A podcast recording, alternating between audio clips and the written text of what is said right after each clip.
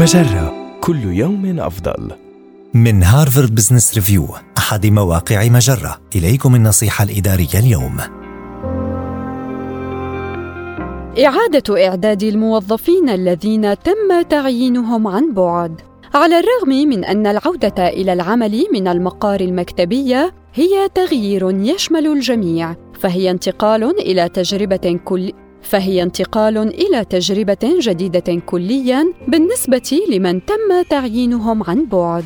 إليك بعض الاستراتيجيات لإعادة إعداد الموظفين الذين تم تعيينهم عن بعد منذ البداية. اولا اسمح لهم ببناء الروابط فيما بينهم كمجموعة وانشئ لهم فرصا منظمة للتفاعل والتعارف فيما بينهم.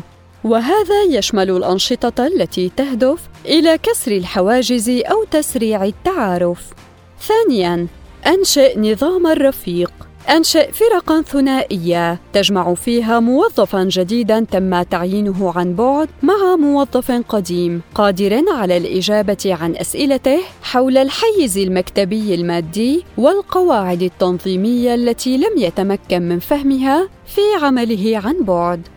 ثالثا تفقد أحوالهم بانتظام. قد تشعر بأنك قمت بما عليك من عمل لتسريع اندماج الموظف الذي تم تعيينه عن بعد في بيئة العمل ضمن المقر المكتبي. ولكن مكان العمل هذا جديد كليا بالنسبة له.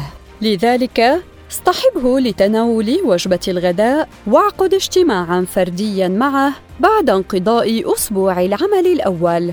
تماما كما ستفعل معه. لو تم تعيينه للعمل ضمن المقر المكتبي منذ البداية. هذه النصيحة من مقال كيف تعد الموظف الذي تم تعيينه عن بعد من جديد النصيحة الإدارية تأتيكم من هارفارد بزنس ريفيو أحد مواقع مجرة مصدرك الأول لأفضل محتوى عربي على الإنترنت. مجرة.